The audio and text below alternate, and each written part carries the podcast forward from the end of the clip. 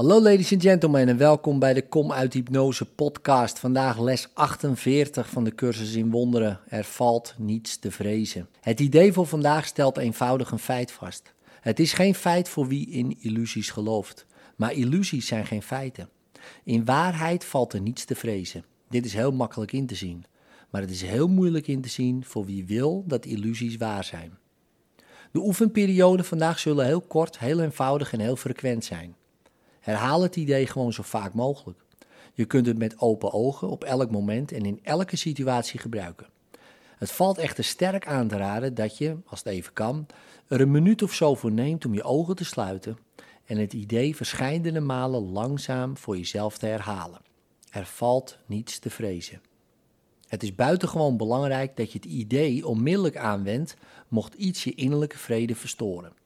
De aanwezigheid van angst is een onmiskenbaar teken dat jij op je eigen kracht aan het vertrouwen bent.